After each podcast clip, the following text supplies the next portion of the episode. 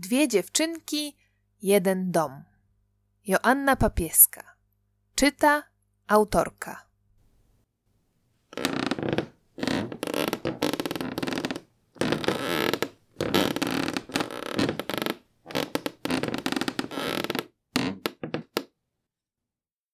Odcinek ósmy. Dziewczynki grają w szachy. Wika pokazuje Cylce figury szachowe. To hetman, to wieża, to goniec, a to król. Cylka kiwa głową, starając się zapamiętać ruchy poszczególnych figur. Jednak ciągle się myli. Nie, to goniec, a nie wieża, poprawia ją Wika. Nie możesz nim iść prosto do przodu. A to skoczek, pamiętasz? On porusza się w kształcie litery L. Pochylona nad szachownicą Cylka marszczy czoło. A tak, rozumiem, mówi i niepewnie przesuwa kolejną bierkę. Pierwszą partię wygrywa Wika, drugą też. Nie martw się.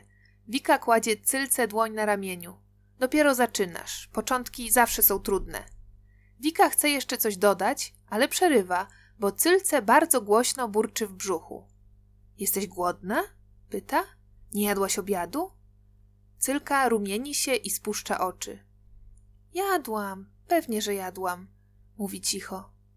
No tak, ale teraz przecież jest pora podwieczorku, prawda? Wika puszcza oko do Cylki. Poczekaj chwilkę, przyniosę coś dobrego. Wika pospiesznie schodzi ze strychu i idzie do kuchni. Rodzice pracują, więc nikt nie widzi, jak Wika otwiera zamrażalnik. Jeszcze są, uśmiecha się zadowolona. Wyjmuje z szuflady dużą łyżkę i dwie małe łyżeczki i wraca na strych. Co to jest? Wielkie oczy cylki wpatrują się w plastikowe pudełko. Jak to co? Lody cytrynowe! Wczoraj trochę zjedliśmy, ale jeszcze zostało. Wika z trzaskiem otwiera wieczko.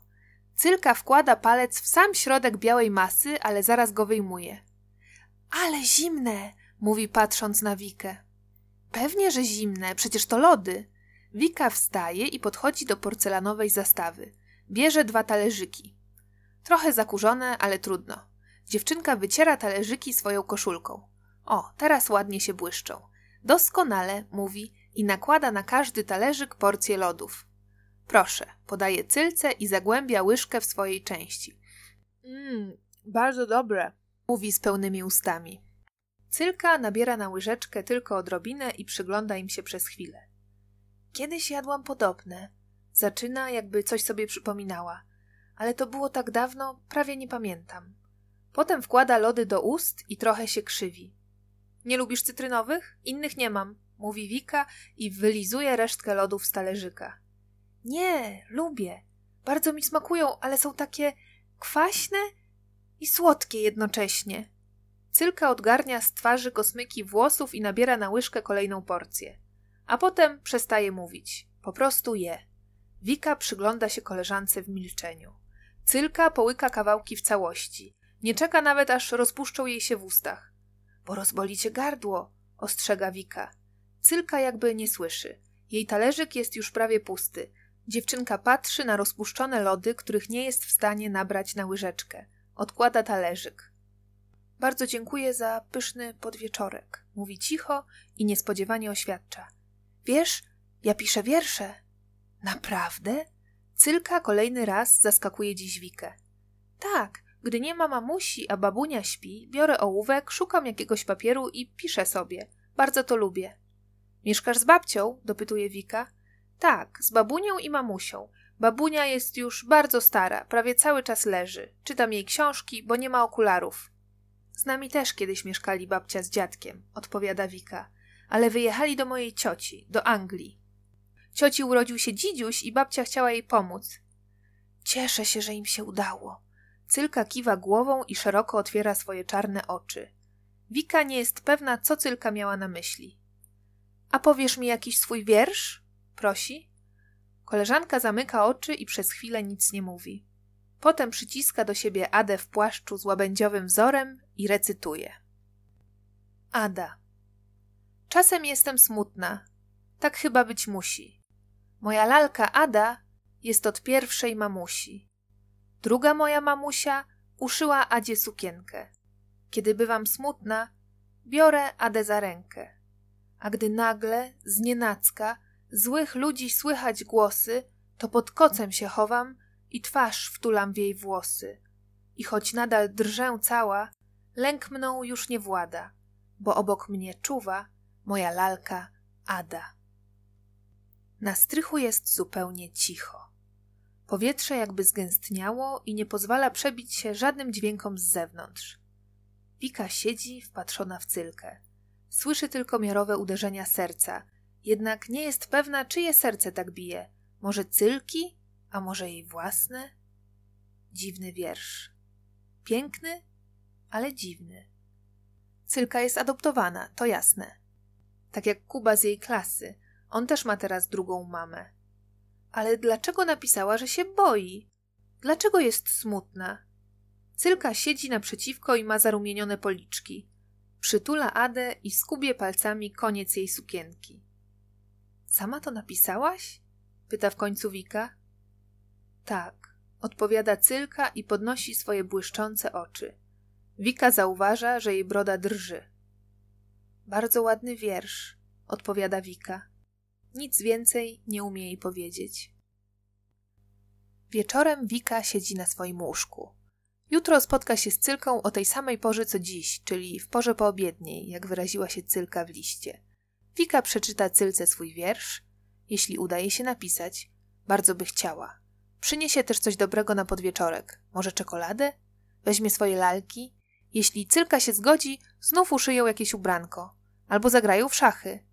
A może Cylka nauczy Wikę pisania tych swoich zakręconych literek? Ale pani Ania byłaby zdziwiona. Albo nie. Może po prostu zajmą się czymś, co zaproponuje Cylka.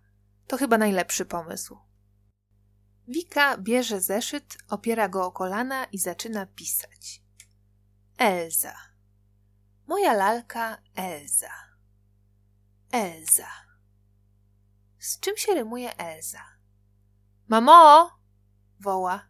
Mama jest w drugim pokoju i ogląda telewizję. Słucham! krzyczy mama.